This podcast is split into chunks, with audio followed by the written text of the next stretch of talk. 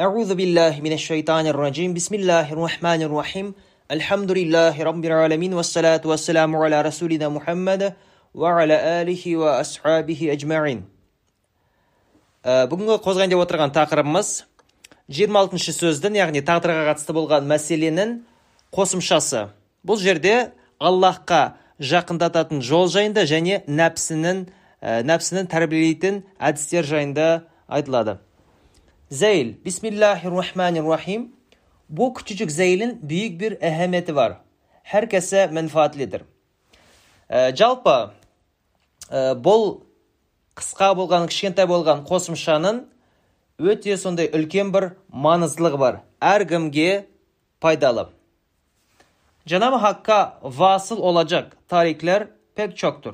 Bütün hak tarikler Kur'an'dan alınmıştır. Fakat tarikatların bazısı bazısından daha kısa, daha selametli, daha umumiyetli oluyor.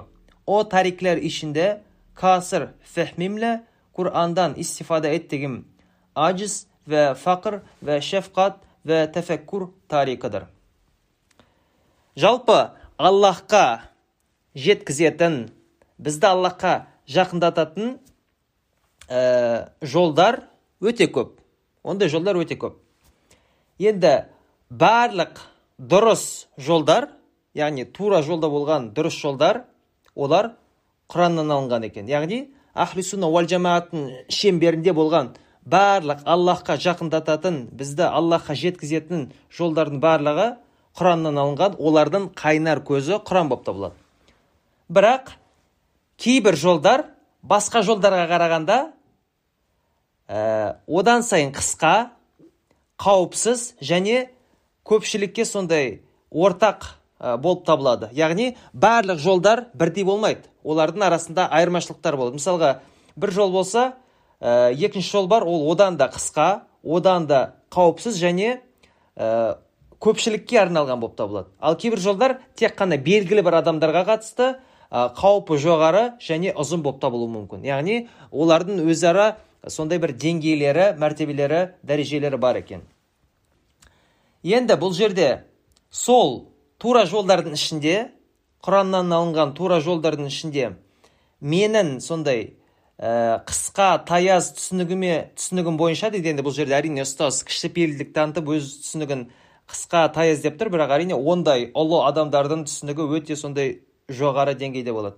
Міне сондай таяз түсінігім бойынша құраннан үйренген жолым ол ажиз фақыр шафқат тәфәккур жолы болып табылады. Яғни әлсіздік пақырлық мейірім және тәфәккур яғни ойлану жолы болып табылады екен. Яғни бұл құраннан алынған жол болып табылады. Яғни бізді аллахқа жеткізетін аллахқа жақындататын ә, бадиузаман саид нурсидің бұл ақыр заманда құраннан үйренген жолы ә, баяндалып жатыр бұл жерде. Evet, aciz dahi aşk gibi belki daha eslem bir tariktir ki ubudet tarikıyla mahbubete kadar gider. Ya әлсіздік, яғни aciz ya әлсіздік те ашық сияқты, яғни ғашықтық сияқты, ә, бірақ одан да қауіпсіз бір жол болып табылады екен. Ә, және құлшылық жолы арқылы махбубетке қарай бізді жеткізеді. Яғни аллахтың ә, махаббатына бізді бөледі екен. Яғни біз аллахты жақсы көре бастаймыз. Ә, бұл жерде ә, бұл жолдан жолдан тұратын яғни ажиз фақыр шафқат тәфәккур дедік қой енді. Әлсіздік пақырлық мейірім және ойлану. Осы нәрселерді ғашықтық жолмен салыстырып жатыр бұл жерде. Ғашық, ғашықтық жолмен салыстырып олардың айырмашылықтарын көрсетіп беріп жатыр.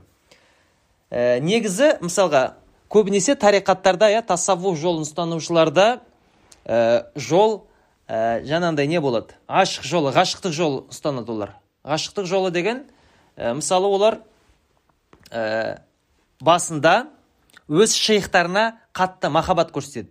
Енді оны өз шейхтарын қатты жақсы көреді ә, оны риза қылдыруға тырысады яғни ә, яғни өз махаббаттарын көбінесе шейхқа қатты бағыттайды екен. Енді ол аллахқа жақындау үшін сондай ә, жалпы ә, бас енді сондай сатыдан өтеді бірінші. Шейхқа махаббатын бағыттайды шейхті жақсы көреді ол не айтса соны істейді. Ә, солай олар дами отыра біртіндеп дамып дәрежесі көтеріліп белгілі бір уақыттан кейін яғни оны фәнафи шейх деп атайды жаңағы нәрсені жаңағы мәртебені. Сол фәнафи шейх деген ә, мәртебеден олар біртіндеп фәнафір расул деген мәртебеге өтеді екен. Яғни қарайды енді жалпы шейхтың бүкіл кемелділігі оның сондай жақсы жақтары кімнен алынған кімнен ол үйренген ол шейх бәрін біздің пайғамбарымыздан алейхисалату уассалам әрине үйренген. Сол үшін өз махаббаттарын одан кейін пайғамбарымызға алейхисалату уассаламға бағыттай бастайды. Оған енді махаббатын жалпы арнайды. Соған көп мән береді. Енді жатса да тұрса да расулуллах деп алейхисалату вассаламды ойлайды екен. Сондай мәртебеге келеді. Фәнафір расул деп аталады ол. Одан кейін ол мәртебеде де мысалға олар дамып ә, жоғары қарай көтеріліп ә, жоғары қарай көтеріле келе біртіндеп фенафиллах деген фанафиллах деген дәрежеге келеді яғни ә, одан кейін яғни бүкіл махаббатын ғашықтығын кімге арнайды? Аллахқа арнайды. Өйткені енді барлық ә, жалпы кемелділік бүкіл сұлулық бүкіл жалпы махаббатқа лайық болған нәрселердің аллахтан келетінін олар жақсы түсіне және сезіне бастайды. Содан кейін әрине ол фенафиллах деген жаңағындай мәртебеге өтіп уже полностью барлығын аллахқа бағыттайды екен. Міне осылар осындай жалпы тариқат ұстанушылары ә, осындай мәртебелерден өту арқылы жалпы аллахқа жақындайды екен. Осындай жалпы оларда нелер бар иә? Сатылар бар. Бірақ ә, бұл жолдың қаупі бар. Неге? Себебі олар белгілі бір себептерге көп мән беріп қоюы мүмкін. Себептерде жалпы тұрып қалуы мүмкін. Сондай қауіп болған үшін ә, жаңағындай ажиз яғни ә, әлсіздік жолы оған қарағанда әлдеқайда қауіпсіз болып табылады. Неге? Өйткені ол жерде ә, жалпы өзін әлсіз сезінген адам шынымен де өзін әлсіз сезінген адам менде ешқандай қуат жоқ менде ешқандай күш жоқ менде ешқандай құдірет жоқ маған барлығын берген яғни ә, барлық берген өмір берген бұл әлемді берген бүкіл нығметтерді берген жалпы бүкіл маған жақсылықтарды берген кім? Аллах деп білет және ә, соны білгеннен кейін толығымен оны жақсы көре бастайды. Солайша жалпы әлсіздік арқылы аллахқа жақындайды оны жақсы көре бастайды. Яғни осындай сатылардан тарихаттарда сияқты сатылардан өтпестен бірден аллахты таниды екен аллахқа жақындайды екен. Негізі кез келген адам жалпы кез келген жаратылыс та өз жаратылысы бойынша әлсіз болып табылады. Себебі ә, біз мысалға көптеген нәрселерге мұқтажбыз көптеген нәрселерді қалаймыз көптеген армандарымыз бар қажеттіліктеріміз бар бірақ олардың ешқайсысын біз өз күшімізбен ақылымызбен білімімізбен ешқашан да ә, жасай алмаймыз қамтамасыз ете алмаймыз өзімізді қажет нәрселермен. Мысалға адам көптеген нәрселерге мұқтаж соның бірі ауа. Жылу су топырақ немесе тағы да басқа нәрселер тамақ иә? Қай адам қандай жаратылыс оларды өздігімен жарата алады кім мысалға адамдардың ішінен немесе жаратылыстың ішінен күнді жарата алады жерді жарата алады ә, мысалға әртүрлі көкөніс жемістерді жарата алады немесе тағы да қандай да бір бізге қажетті болған нәрселерді қай жаратылыс ә, оны жасауға жаратуға күші жетеді. Әрине ешқандай жаратылыстың оған күші жетпейді. Тек қана жалғыз аллах қана оны бізге бере алады. Сондықтан бәріміз де әлсізбіз себебі ешқандай нәрсені тіпті бір атомның өзін жарата алмаймыз оны қозғалта алмаймыз өздігімізбен. Мысалға біз көптеген әрекеттер жасаймыз иә? Сөйлейміз ә, мысалға қолымызбен мысалы қозғалтамыз ә, бір нәрсені ойлаймыз жүреміз секіреміз деген сияқты көптеген әрекеттер жасаймыз ойланамыз.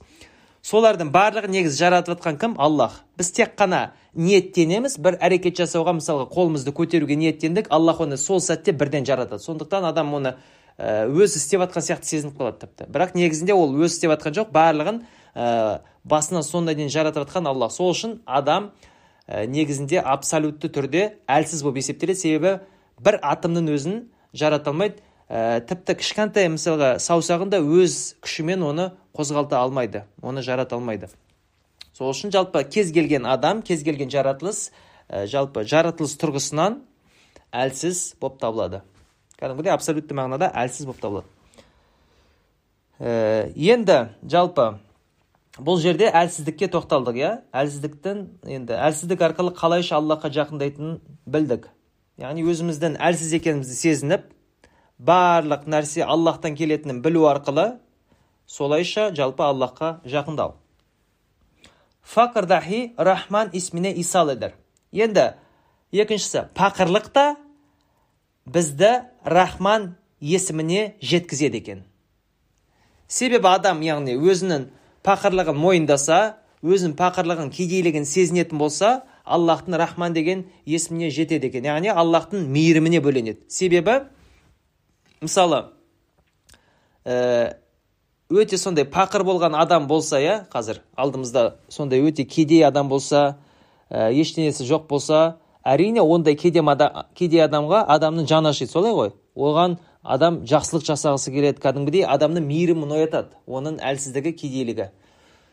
Сол сияқты біз де адамдар аллахтың алдында неғұрлым өзіміздің кедейлігімізді пақырлығымызды сезіне алсақ көрсете алсақ соғұрлым аллахтың мейірімі де бізге көбірек түседі екен көбірек келеді. Сол үшін біз осындай пақырлық арқылы аллахқа жақындаймыз оның рахман есіміне жақындайды екенбіз. Негізінде кез келген адам жаратылыс тұрғысынан пақыр болып табылады кедей болып табылады. Кейбіреулер ойлауы мүмкін енді мен пақыр емеспін мен баймын деген сияқты. Бірақ қаншалықты ол миллиардер болсын триллионер болсын тіпті ол бәрібір жаратылыс тұрғысынан пақыр кедей болып табылады. Себебі бүкіл жаратылыстардың ішінде ең көп қажеттіліктері бар ең көп армандары бар қалайтын нәрселері бар жаратылыс ол кім болып табылады? Адам болып табылады.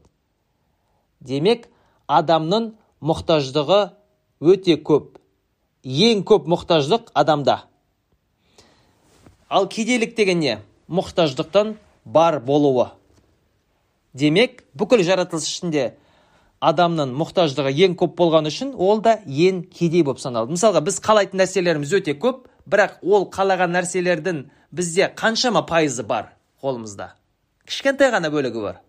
Біз қалайтын нәрселердің ішінде кішкентай ғана бөлігі кішкентай ғана процент бізде қолымызда бар елігімізде бар қалғаны бізде жоқ. Қалғаны тек қана арманда ойда қиялда. Сол үшін бізде ә, қалайтын мысалға қажет болған нәрселердің өте аз ғана пайызы үлесі болып көбі жоқ болған үшін біз пақыр болып есептелеміз. Негізі жаратылыс тұрғысынан біз пақыр болып есептелеміз. Кез келген адам жаратылыс жағынан ә, кедей болып есептеледі. Соны енді біз сезіне алсақ неғұрлым жақсы сезінсек соғұрлым аллахтың мейіріміне көбірек бөленеміз. Hem şefkat dahi aşk gibi belki daha keskin ve daha geniş bir tariktir ki Rahim ismine ishal eder.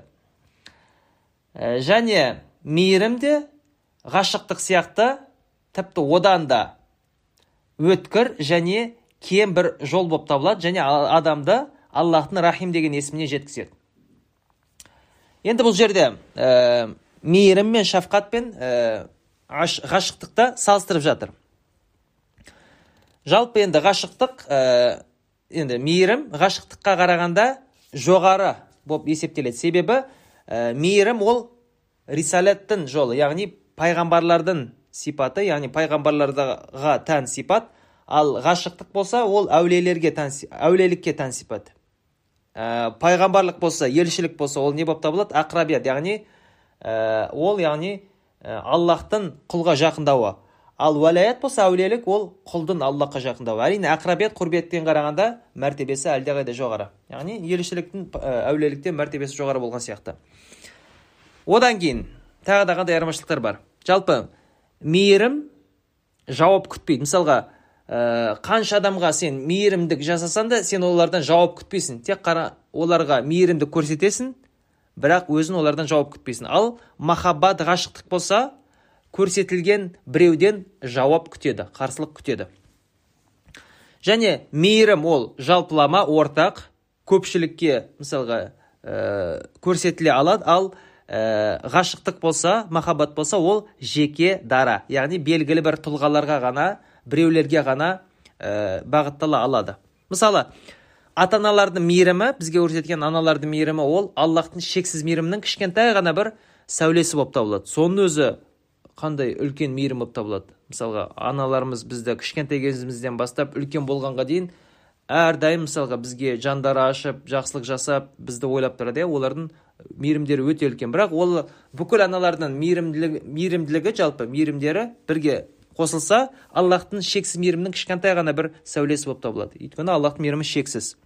Мысалы яқуб алейхисаламның иә? Юсуф алейхисаламға қатты жаны ашып жылап оны әрдайым ойлауы ол негізі ә, мейірімнен келіп жатыр ол соншалықты мейірімді болған сол үшін ә, оған мейірімдік көрсетіп оны ойлаған оған жаны ашыған ал ә, зулейханың юсуф алейхисаламға деген ә, сезімі ол бұл жерде махаббат ғашықтық болып табылады. Яғни осындай бір айырмашылық бар арасында. Сол үшін ә, бұл жерде ә, мейірім ол жалпы қауіпсіз жол ал ғашықтық ол ә, ішінде қаупі бар. Ішінде қаупі бар. Ә, енді бізге әрине мейірімділіктің ең үлкен үлгісі ол біздің пайғамбарымыз алейхисалату уассалам әрине. Өйткені ол өте мейірімді болған. Жалпы адамдардың ішінде ол ең мейірімдісі. Мысалы ә, таифқа барған кезде адамдар енді оны таспен атып тастайды ғой балаларға дейін ол кезде ол не істейді? Оларға ешқандай ә, жаңағыдай қарғыс айтпайды жаман дұға жасамайды олардан. Оларға олар енді білместікпен істеді ғой деп жаны ашып оларды оларға кешіріммен қарайды. Немесе мысалға пайғамбарымыз алейхисалату вассалам өзінің үмметінің кейбір адамдары тозақта жанатынын білген кезде өте қатты қайғырады өте қатты уайымдайды. Тіпті енді бірнеше күн бойы адамдармен сөйлеспей қояды. Соншалықты дәрежеде ол мейірімді болады өзінің үмметіне қатты жаны ашиды тіпті туған кезінде уммати уммати деп айтады. Яғни үмметім үмметім деп айтады. Және хашырда біз тірілген кезде де ол сол сөздерді айтады екен. Яғни үмметім үмметім деп. Бүкіл тіпті пайғамбарларға дейін нәпси нәпси деп айтқанда енді өзім өзім дегенде тек қана біздің пайғамбарымыз алейхисалату уассалам уммати уммати яғни үмметім үмметім деп айтады екен. Яғни бұл жерден біз пайғамбарымыздың алейхисалату уассалам қаншалықты мейірімді жанашыр екенін байқаймыз. Енді бізде неғұрлым сондай мейірімді жанашыр болсақ соғұрлым біз ә, жалпы аллахқа жақындаймыз.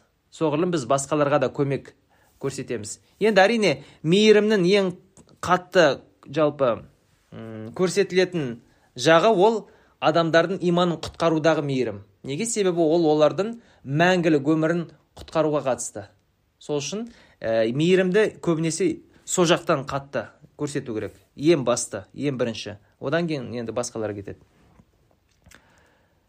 Ә, немесе мысалға ұстазымызды бадиузаман саид нурсидің өзін алып қарайтын болсақ ол да ә, өте сондай үлкен жоғары мейірімге ие болған тіпті ә, мұсылмандар үшін өз бауырлары үшін тіпті тозаққа да баруға дайынмын деген сөздері бар. Яғни бұл жерден әрине оның қаншалықты үлкен мейірімге ие болғанын көреміз. Ол да біз үшін сондай үлкен бір үлгі болып табылады. Демек адамдар біз жалпы Э, осындай мейірім көрсету арқылы аллахтың рахим есіміне жетеді екенбіз аллахтың мейіріміне бөленеміз hem tefekkür dahi aşk gibi belki daha zengin, daha parlak, daha geniş bir tariktir ki hakim ismine eder. Және ә, ойлану да, яғни Аллахтың жаратылыстары жайлы ойлау да, ол да ғашықтық сияқты тіпті одан да бай одан да жарқын одан да бір кен жол болып табылады. Бізді хаким деген есімге жеткізеді екен.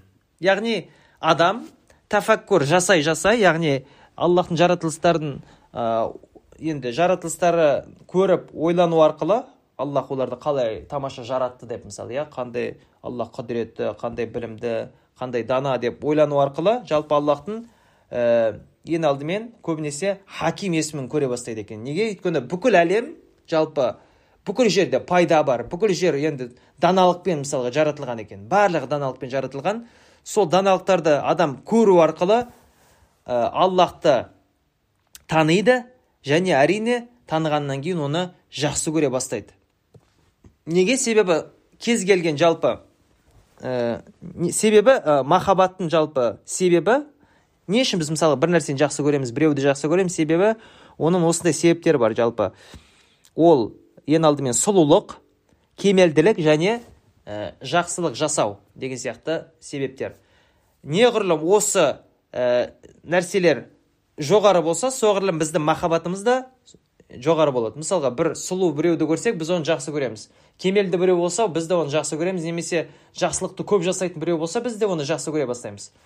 Бірақ ә, неге біз аллахты таныған сайын оны жақсы көреміз көбірек? Одан сайын көбірек. Себебі аллах бұл сипаттардың қайнары болып табылады. Яғни дүние жүзіндегі бүкіл әлемдегі бүкіл жалпы сұлулық кемелділік ихсан яғни жақсылық жасау ол аллахтан келіп жатыр. Аллахтың сұлулығынан кемелділігінен ихсанынан келіп жатыр. Сол үшін ә, біз аллахты таныған сайын міндетті түрде оны жақсы көре бастаймыз. Неғұрлым көп танысақ соғұрлым оны көбірек жақсы көреміз. Мысалы пайғамбарымыз алейхисалату вассалам аллахты ең көп таныған ол сәйкесінше ең көп жақсы көретін де ол. Сол үшін біз ә, бұл ойлану арқылы аллахты танимыз және таныған сайын оны жақсы көріп оған солайша жақындаймыз. Яғни тафаккурдың жақындау жолы осылайша жүзеге асады. Şu tarik hafi tarikler misülü Lütayfe Aşire gibi 10 hatve değil ve tariki Cehre gibi nüfusu seb'a 7 mertebe atılan adımlar değil belki 4 hatveden ibarettir. Енді бұл жол, жалпы бұл әлсіздік, пақырлық, мейірім, ә, ойлану жолы басқа жолдар сияқты мысалға ә, хафи деген яғни жасырын зікір ететін жолдар бар оларда жалпы ләтайф ашари деген яғни он сезімді мысалға олар кемелдендіру арқылы жетілдіру арқылы солайша аллахқа жақындайды екен. Олардың жолдары он қадамнан тұрады. Яғни оларға олар мысалға іштерінен ә, жасырын зікір етеді оларға ә, ең алдымен нақшибан тариқатын жатқызуға болады иә мысал ретінде. Міне сол соларда мысалға он ә, олардың аллахқа жақындау жолы он қадамнан тұрады екен. Яғни он қадам бар ішінде. Немесе жахрия дейді яғни дауыстап зікір ететін дауыстап аллахқа зікір ететін ә, сондай тариқаттар бар. Олар нуфусу саба яғни нәпсінің жеті мәртебесін мысалға ә, жеті мәртебесінен дами отыра сол солардан өту арқылы аллахқа солайша жақындайды екен. Яғни олардың жолдары жеті қадамнан тұрады. Яғни оларға мысал ретінде жаңағындай қадери ә, тариқатын мысал ретінде жатқызуға болады. Яғни абдул гайлянидің ә, негізін қалаған тариқат. Ә, олар жеті қадамнан тұрады дейді. Міне бұл жол яғни әлсіздік пақырлық мейірім ә, ойлану жолы олар сияқты он немесе жеті қадамнан тұрмайды. Небәрі төрт қадамнан тұрады екен дейді. Мысалы бұл жерде айтып кеткен иә нәпсінің жеті дәрежесі деген бар. Мысалы ә, құранда да ол аяттарда кездеседі нәпсінің түрлері. Нәпсінің жалпы жеті түрі бар екен. Біріншісі ол ең төменгі дәрежесі нәпсүл әммара яғни әмір етуші нәпсі. Ондай нәпсіге ие адам нәпсінің айтқанын істей береді. Яғни нәпсінің құлы болады былайша айтқанда. Нәпсі мынаны істе деді ме соны істейді. Нәпсі күнә істеді ме күнә істейді. Харам істеді ме харам істейді. Ол нәпсінің ең төменгі дәрежесі. Одан кейінгі дәреже ол нәпсіл яғни ол нәпсі да жамандық істейді бірақ жамандық істеп қойғаннан кейін кейін өкінеді екен. Неге істедім қап істемеу керек еді деген сияқты яғни тәубе етіп кәдімгідей өкініп өзінің жалпы күнәсін мойындайды екен. Сондай нәпсіге нәпсіл деп айтылады. Яғни ол алдындағы нәпсіден қарағанда жоғары тұрады себебі ода өкіну деген нәрсе бар. Өкіну деген нәрсе бар. Ал алдыңғысы ол өкінбейді. Одан кейін келесі нәпсіл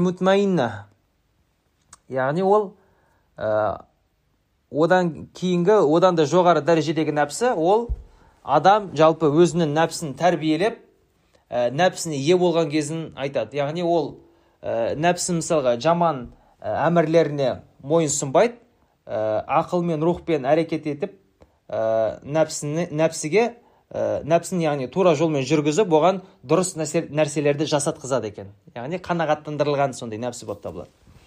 Одан кейінгі жалпы нәпсінің дәрежелері бар. Нәпсі мульхима деген яғни адам жалпы нәпсін тәрбиелей келе сондай бір дәрежеге келеді оған аллахтан илхамдар келе бастайды илхам деген жалпы сондай аяндар деген сияқты ол жалпы сондай дәрежеге келеді яғни аллахтан илхамдар келе бастайды одан кейін ә, нәпсі радия деген бар яғни аллахтың ондай ә, нәпсіге ие болған адам аллахтың кез келген жалпы нәсіп еткен нәрсесіне жазған нәрсесіне тағдырына риза болады ол ауру бола ма ә, әртүрлі оған қиыншылықтар проблемалар келсе де бәрібір ол ризашылық танытады екен әрқашан. Не болса болсын бірақ ешқашан аллахқа шағым айтпайды. Сондай бір дәрежеге келеді.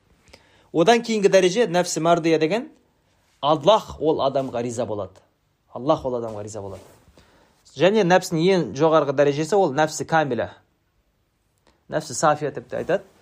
Ол енді кемелді нәпсі. Яғни барлық жақтан тәрбиеленген сондай бір өте жоғары дәрежедегі кемелді ә, нәпсі яғни пайғамбарлардың нәпсі және де одан кейінгі болған сондай ұлы сахабалардың жалпы әулиелердің нәпсілерін ә, сол нәпсі камилаға жатқызуға болады. Жалпы міне ә, сондай қадамдардан өту арқылы мысалға иә қадири тариқаты жеті қадамнан солайша аллахқа жақындайды екен. Бірақ ә, біздің айтып отқан жол ол жеті немесе он қадамнан тұрмайды небәрі төрт ақ қадамнан тұрады дейді тариқаттан зияде хакиқаттар шариаттар. Және тариқаттан тариқат болып табылмайды яғни tasаввуф сияқты сондай тариқат болып табылмайды ол ақиқат шариғат жолы болып табылады екен. Ақиқат жолы шариғат жолы.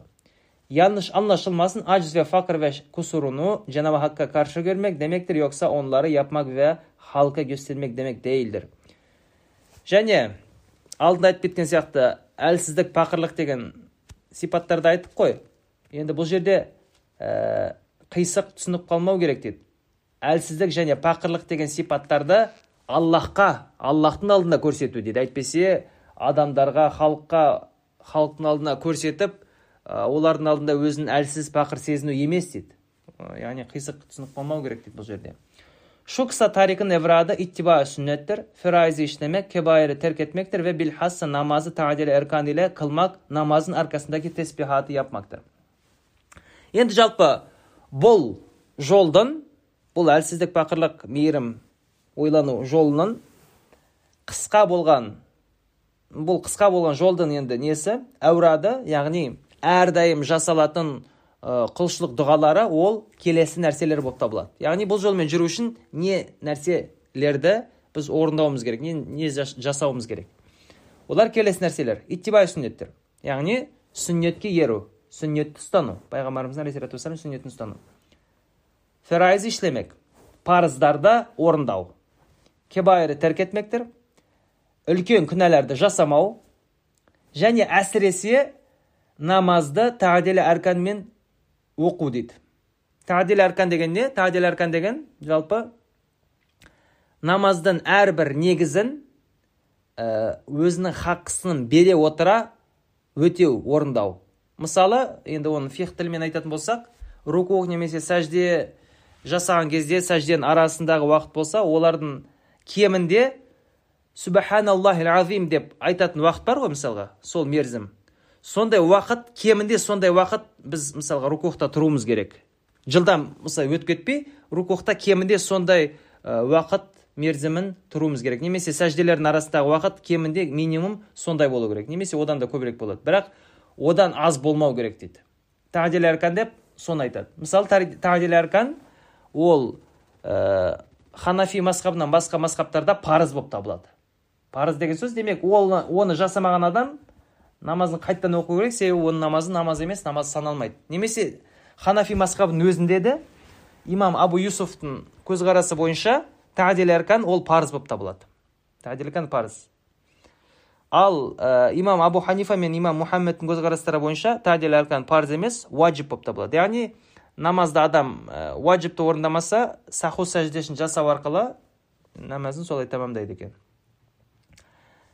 және намаздан кейін тағы да келесі нәрсе намаздан кейін таспихатты оқу дейді таспихат жасау міне ә, осы айтылған нәрселерді орындаса бұл енді жолды ұстанған болып есептеледі екен. Яғни қайтадан айтып кетейік сүннет ұстану парыздарды орындау үлкен күнәлерді жасамау әсіресе намазды тағдел арканмен орындау және намаздан кейін таспихат оқу. Бұл жерде енді әрине таспихат оқу дегенде әртүрлі түсінуіміз мүмкін. Бірінші енді таспихат дегенде отыз үш рет мысалы субханалла альхамдулилля аллаху акбар деп айтып ла иляха иллаллах деп айтып одан кейін. Мысалы шафи мазхабында иә бар ол сүннет болып табылады. Соны айтып енді сонымен ә, жеткілікті болуы мүмкін иә бір жағынан қарағанда. Бірақ ә, екінші жағынан ұзын таспихат та болуы мүмкін я жәмилу я аллах я қарибу я аллах деген сияқты. Бірақ енді бұл ә, жол бадюзаман саид нурсидің енді нұр талабелеріне арналған көбінесе. Көбінесе енді соларға арналған жол болғандығы үшін әрине бұл кез келген адам ұстана алатын жол бірақ көбінесе бұл нұр шәкірттері ұстанғаны үшін ә, енді үлкен ықтималдық бұл ұзын таспихат бұл жерде меңзеліп тұрған сияқты. Яғни я жәмил аллах субханаке аллах деген сияқты. Ә, демек енді бұл жерде бұл ә, осы жолды ұстану үшін қажетті болған ә, құлшылық дұғалар қандай деген сұраққа біз жауап бердік. Енді келесі біз қазір айттық иә жаңа алдында. Ә, бұл жол төрт қадамнан тұрады дегенде енді сол төрт қадамды біз ә, жеке жеке өтетін боламыз.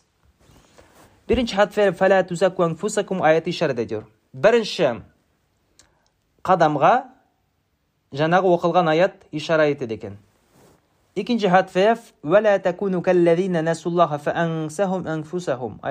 Ediyor. Екінші қадамға осы аят ишара етеді екен. Ma asabaka min hasanatin fe min Allah ve ma asabaka min seyiatin fe min nefsik. Ayeti işaret ediyor. Üçüncü қадамға болса осы аят ишара етеді. Dördüncü hadfeye kullu şeyin halikun illa vecihah. Ayeti işaret ediyor. Ал төртінші қадамға болса осы оқылған аят ишара етеді шудырт хатвенің қыса изахы шудыр осы төрт қадамның қысқа баяндамасы осы болып табылады. Енді біз қазір әрбір қадамға жеке жеке тоқталып өтеміз қысқаша түрде. Бірінші хатведе фәлә тузакку әнфусакум аяты ишарадеттегіби тәскей нәфис етмемек зира инсан жибилеті ве фатраты хасабиле нәфсіні сәвер бәлки әввәлә ве биззат ялыныз затыны сәвер башка һәр шей нәфсіне фәда едер енді бірінші қадамға бірінші қадамда фәлә тузакку анфусакум аяты иә?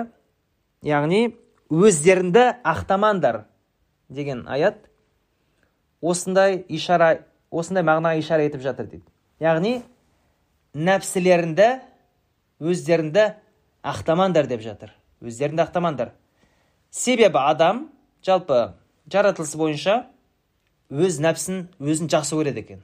Адам өзін жақсы көреді. Жаратылысы бойынша сондай нәпсіміз сондай қылып жаратылған. Аллах сондай қылып жаратқан тіпті ә, ең бірінші адам жалпы нәпсі тек қана өзін жақсы көреді тек қана өзін жақсы көреді ал ә, басқа әр нәрсені өзі үшін пида етеді дейді яғни өзін ғана жақсы көреді басқа нәрсені өзі үшін пида етуге дайын мабуда лайк бір тарзда нәпсіні мәдхәдір және аллахқа жаратушымызға лайық бір түрде өзін не істейді екен мақтайды екен мадақтайды екен.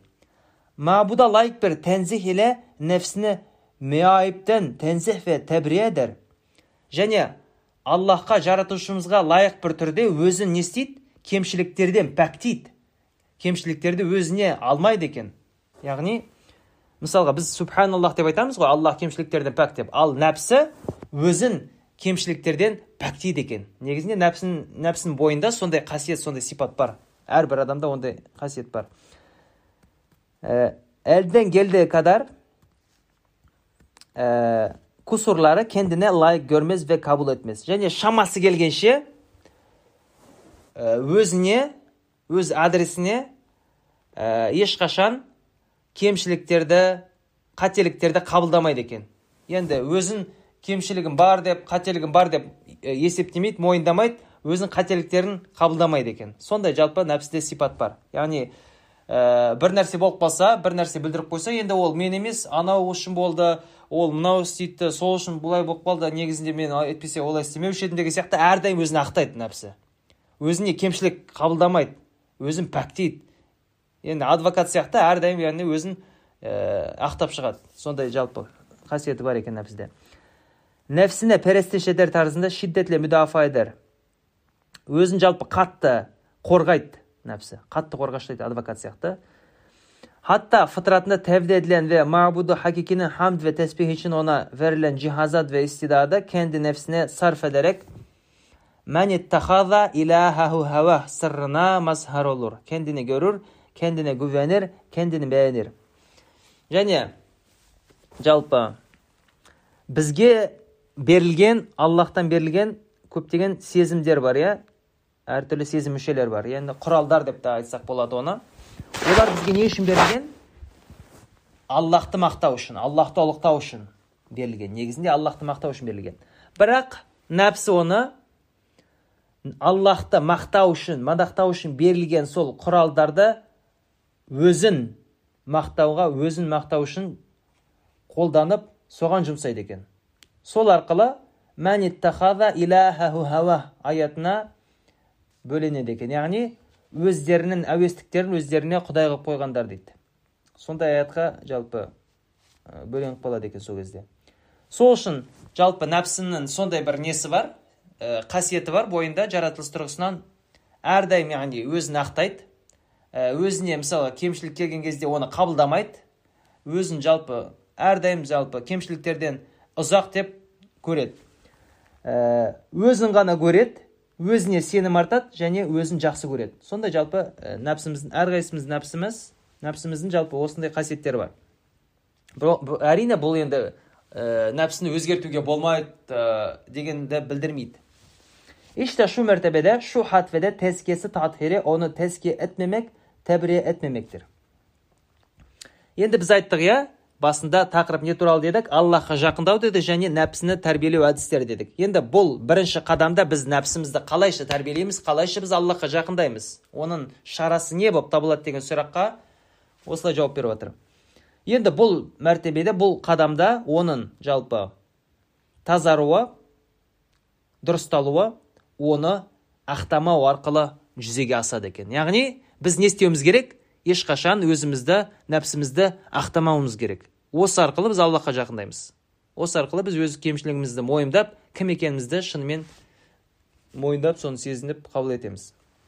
Демек осы бірінші қадамда біз не істейміз? Ешқашан өзімізді ақтамаймыз нәпсімізді ақтамаймыз.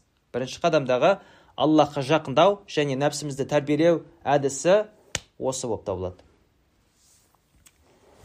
Жақсы енді бірінші қадам түсінікті. Келесі қадамға көшеміз. Келесі. Екінші хатведе وَلَا تَكُونُوا كَالَّذ۪ينَ نَسُوا اللّٰهَ فَاَنْسَهُمْ اَنْفُسَهُمْ dersine verdiği gibi kendini unutmuş, kendinden haberi yok. Ee, екінші жалпы аят қадамда қадамға ишара еткен аят ол аллахты ұмытқан аллах та оларға өздерін ұмыттырған бейбақтар секілді болмаңдар деген аят бізге осындай дәріс беріп жатыр екен kendini unutmuş kendinden haberi yok жалпы адам нәпсі өзін ұмытқан екен өзінен хабар жоқ.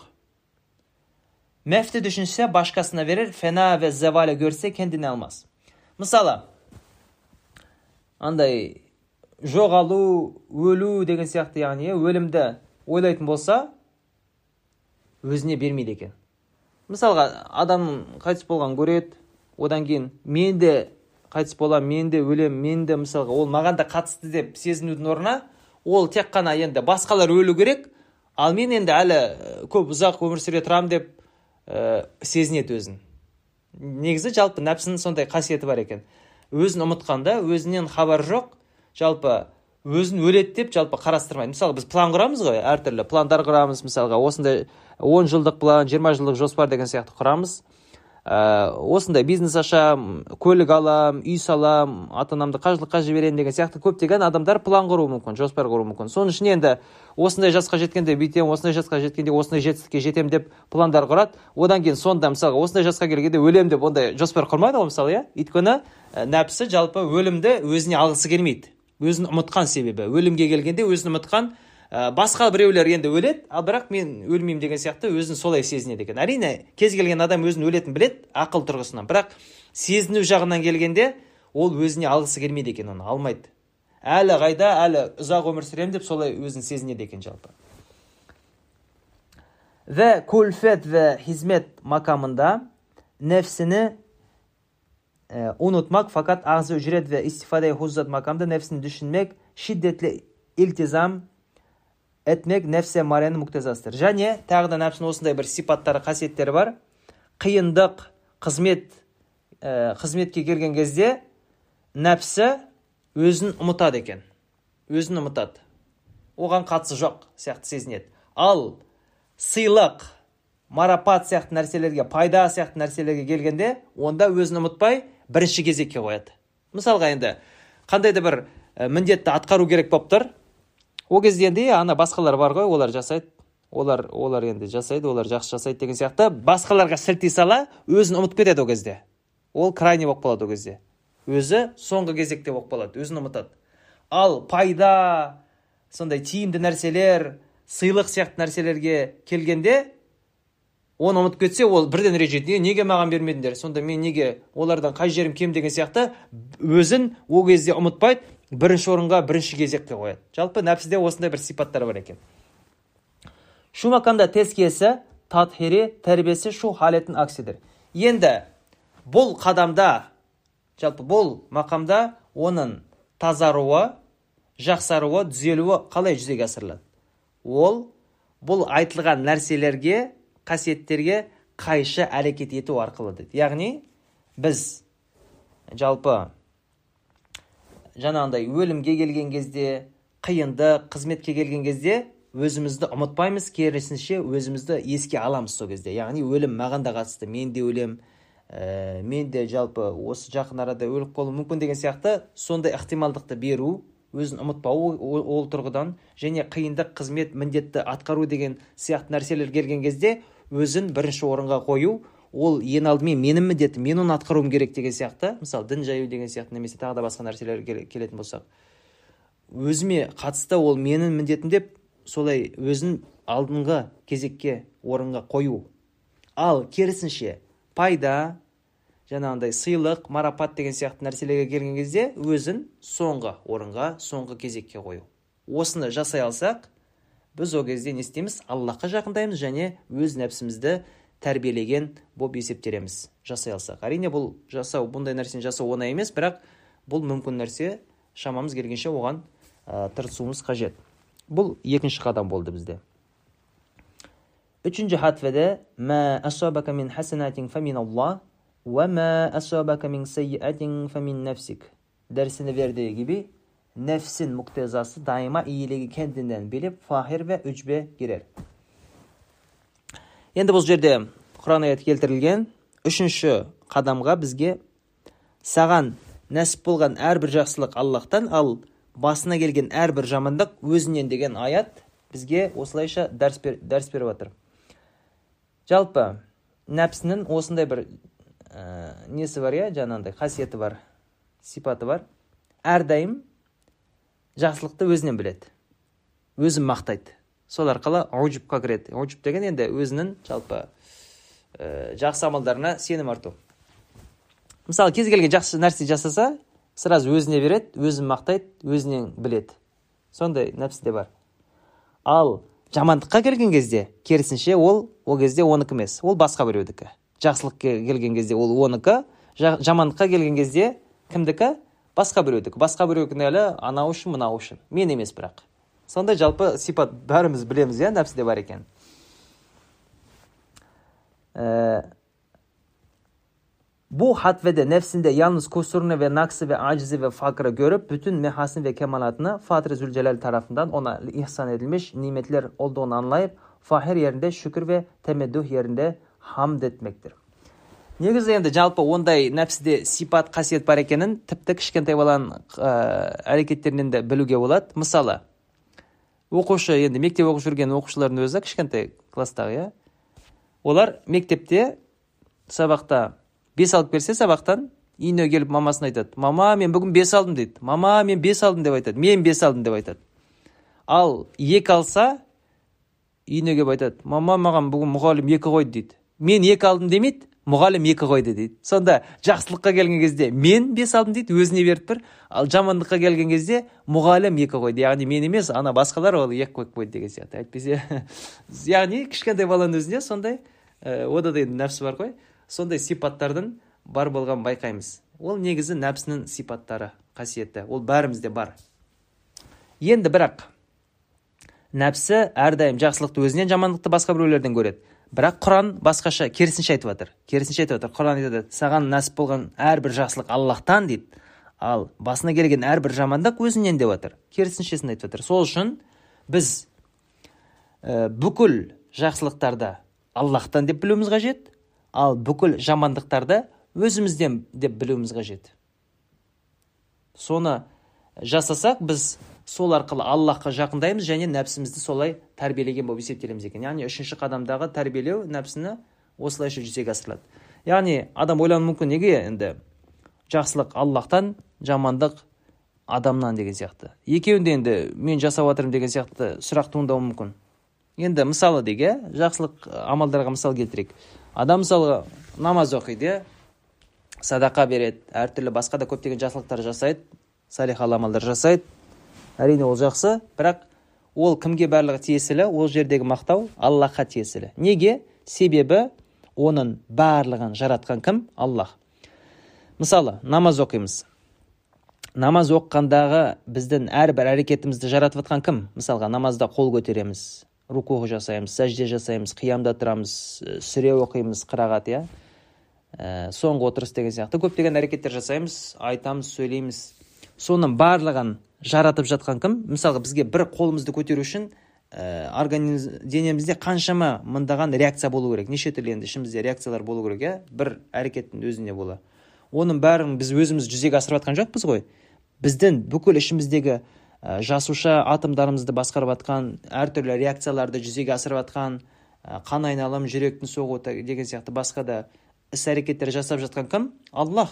Біздің оған еш қатысымыз да жоқ біз хабарымыз да жоқ ішінде не болып жатқанымыз. Білмейміз де яғни барлығын жаратып жасап жатқан біздің әрбір денеміздің жасушасын қозғалтып оны керекті болған қажетті қамтам, нәрселермен қамтамасыз етіп жатқан аллах біз емес сол үшін біз мысалға намаз оқыған кездегі әрбір біздің әрекет қимылымызды жаратқан кім аллах намаз оқуды кім үйретті аллах мысалға пайғамбарымыз алейхисалату үйрету арқылы бізге сол арқылы сол үйретті аллах үйретті иә яғни сүрелерді аллах үйретті құран түсіру арқылы намаздың әрбір негізін аллах үйретті.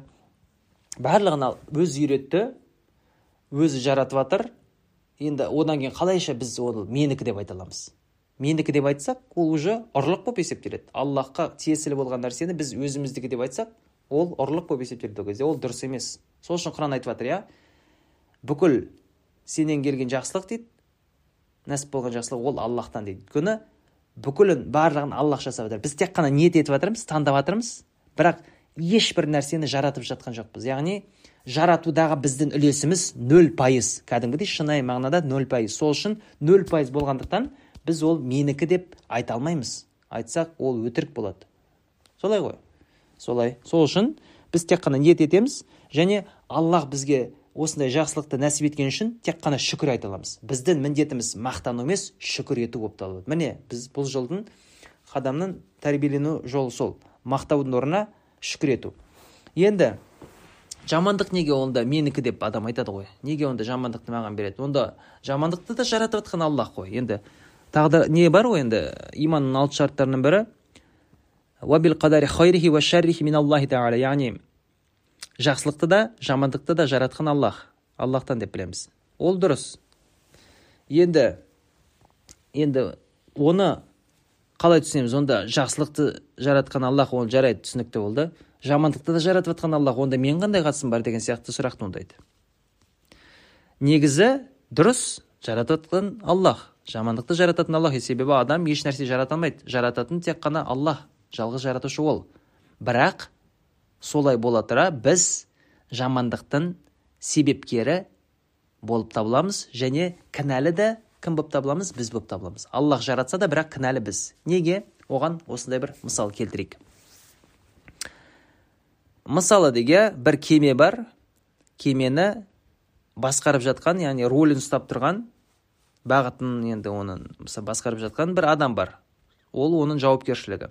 Егер және одан басқа кемеде әртүрлі неше түрлі өзінің қызмет атқаратын экипаж бар. Бір кеме енді бір а нүктеден б нүктеге сапарға шықты жолға шықты теңізге. Сосын аман есен бәрі жақсы болып олар оралды. Енді өздерін жалпы мақсаттарына жетті иә белгілі бір жерге. Сонда жеткен кезде енді жаңағы рөлді басқарып тұрған адамның сол кеменің жетуіндегі үлесі қандай? Яғни жетіп еще үлкен пайдаға қол жеткізді. Өйткені сауда жасады. Сол енді сәттілік сәттілік сәтті бәрін жасады ғой. Сол сәттіліктегі сол адамның үлесі қандай? Кішкентай ғана үлес бар. Яғни мыңнан бір бөлігін ғана оған беруге болады ол жерде. Себебі ол тек қана сол рольді ғана басқарып отырды. Бірақ одан басқа көптеген неше түрлі қызметті атқарған адамдар да бар. Біреу тамақ пісіреді біреу тазалыққа қарайды біреу мысалға кеменің басқа жерлеріне қарап отырады біреу жолды қарап отырады біреулері мысалға көптеген басқа да қызметтерді атқарып отырады в общем. Қызметтер көп. Сол үшін ол олардың ол қызметтердің ішінде тек қана кішкентай ғана мыңнан бір бөлігін тіпті одан да азын ғана жасады. Оның үлесі соншама ғана. Бірақ егер де осындай жағдай болып қалса ол ұйықтап қалып немесе өз қателігі бойынша ә, дұрыстап басқара алмай кеме айсбергке соғылса дейді мысалы сосын кеме батып кетсе кім кінәлі? Бүкіл экипаж кінәлі бола ма? Немесе жаңағы адам ғана кінәлі бола ма? Әрине тек қана жаңағы адам ғана жүз пайыз сол ғана кінәлі болады. Қалған экипаж кінәлі болмайды. Сол үшін ә, егер де ол жақсылық жасағанда бүкіл экипажға тиесілі мақтау. Тек қана ана адамға емес бүкіл экипажға мақтау тиесілі. Ал ол жамандық жасаған кезде кінә жүз пайыз оған артылады. Экипаждың ешқайсысы қатысы жоқ сол сияқты мысалға аллах жаратқан кезде жақсылықты мысалға иә аллахқа тиесілі барлығы. Өйткені жаратып жатқан ол жасап жатқан ол біз емес. Біз тек қана ниет еттік. Біздің үлесіміз ол енді миллионнан бір шығар. Кішкентай ғана. И ниетіміз жаратудан бірақ үлесі жоқ вообще. Ал жамандыққа келгенде толығымен кінә бізде. Жаңағы мысалда түсіндіргеніміз сияқты қате жіберсе кінә жаңағыдай полностью сол рулевойға беріледі ғой. Басқаларға берілмейді. Сол сияқты кінәні жамандықты біз таңдағанымыз үшін аллах жаратады иә. Бірақ біз таңдағанымыз үшін бәрібір кінәлі біз болып саналамыз. Сол үшін бұл жерде шатастырмау керек. Және бұл жерде ешқандай қайшылық жоқ. Мысалға иман шартында алла а, жақсылықты жамандықты аллахтан деп келеді. Ал құран аятында жақсылық аман аллахтан жамандық нәпсіден деп келеді. Сонда екеуі сырттай қайшы болып көрінеді. Бірақ негізінде ешқандай қайшылық жоқ. Бұл жерде иман шартында жақсылықты жамандықты аллахтан деген кезде ол жарататын аллах деп тұр. Сол нәрсені яғни айтып тұр.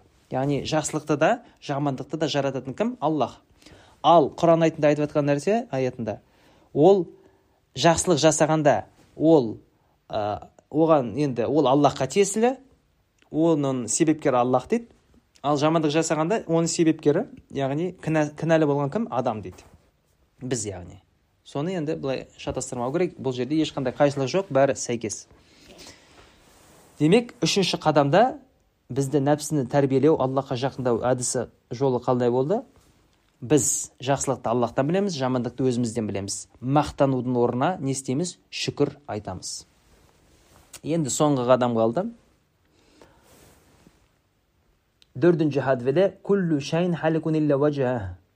дәрісін енді төртінші қадамда осындай аят одан басқа барлығы жоқ болады дейді. Яғни аллахтан басқа барлығы жойылады құриды деген сияқты аят.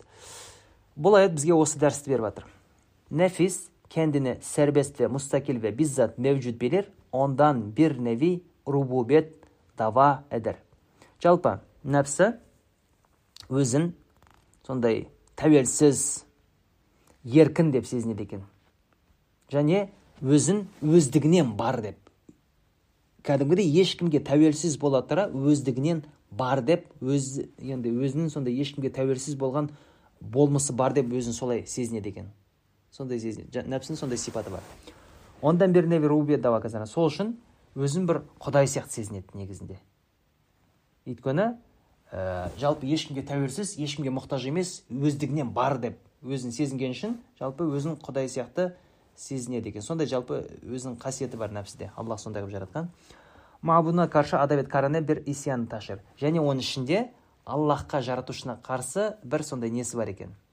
Қарсылығы бар ішінде. Неге? Себебі ол өзін тәуелсіз еркін сезінгісі келеді ғой. Аллахты ойлаған кезде аллахқа бағыну деген ә, енді бағыну керек болады. Сол үшін ол бағынғысы келмеген үшін аллахқа қарсы бір сондай өшпенділік сондай бір несі болып тұр бар екен ондай дұшпандығы бар.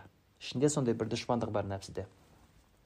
İşte gelecek şu hakikati derk etmekle kurtulur. Енді ол дұшпандықтан осы қауіптен осы келесі оқитын ақиқатты түсіну арқылы онан құтылады екен. Қазір біз ақиқатты оқимыз сол ақиқатты егер түсінетін болсақ осы қауіптен құтылатын боламыз. Şudur şöyledir her şey nefsinde manayı ismiyle fanidir, mefkuttur, hadistir, ma'dumdur. Fakat manayı harfiyle ve sani zülcelal'in esmasına aynı darlık cihetiyle ve vazifedarlık itibarıyla şahittir, мәшһүттір важидтір мәвжудтір ақиқат болса осындай негізі әр нәрсе өздігінен яғни уақытша ә, хадис яғни кейіннен пайда болған ә, одан кейін жоқтыққа жақын яғни еш, еш нәрсе болып табылмайды. Жоқ болып табылады. Яғни жоқ дегенде өздігінен ол еш нәрсе емес. Ешбір құны жоқ құндылығы жоқ. Негізінде кез келген жаратылысты өздігінен жеке өзін қарастыратын болсақ аллахпен байланыстырмай онда ол еш нәрсе емес ешкім де емес. Ешқандай бір оның маңызы жоқ. Уақытша ғана fakat manay harfiyle ve sani zülcelal'in esmasına aynı ederlik cihetiyle ve vazifetilik itibarıyla şahittir, meşhuttur, vacittir, mevcuttur. Бірақ оған адамға жаратылысқа ә, аллахтың жаратылысы деп қарайтын болсақ аллахтың мақұлығы аллахтың құлы деп оны қарастырып солайша оған сол тұрғыдан қарайтын болсақ онда ол аллахтың әсем есімдеріне айна болу арқылы сол тұрғыдан ол кәдімгідей бар болып есептеледі көрінетін болып есептеледі. Кәдімгідей ол ә, белгілі бір құндылыққа маңызға ие болады екен сол кезде. Ол кезде ол действительно бір нәрсе болады бар болады. Ал егер де аллахпен байланысы болмаса ол жоқ болып есептеледі яғни ешқандай құндылығы болмайды. Мысалы аллахпен э, өзін байланыстырмаған адам ол жай ғана енді әлсіз болған ә, уақытша ә, материалдық яғни оңай бұзылып шіріп кететін денесі бар ғана уақытша бір жаратылыс болып табылады. Оның құндылығы вообще ешқандай.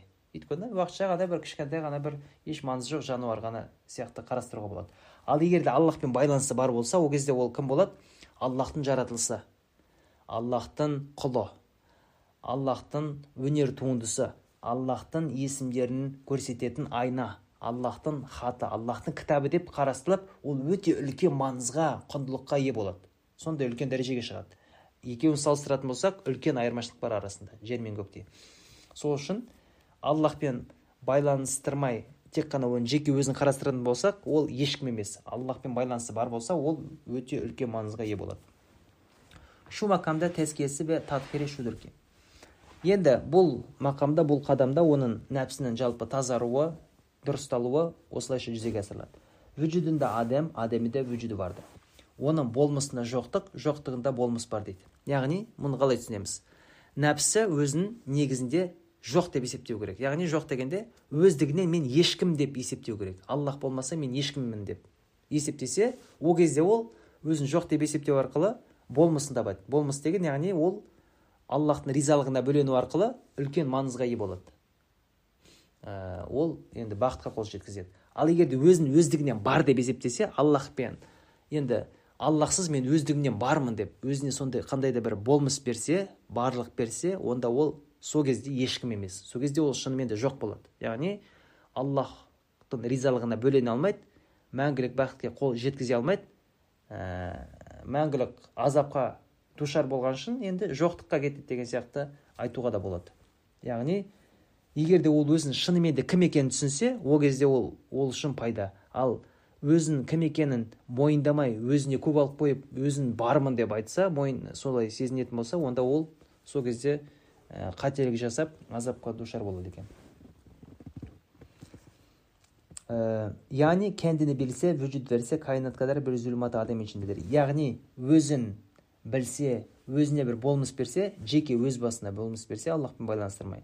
Ол, ол кезде ол әлем сияқты бір қараңғылық ішінде қараңғылық ішіндегі жоқтық жоқтық ішінде болып кетеді ол кезде жоқтыққа кіреді яғни вүжуді шахсисіне güvenip mucidi hakkeden gaflet etse yıldız böceği gibi bir şahsi ziyaya vücuda nihayetsiz zulümat adem ve firaklar içinde bulunur boğulur.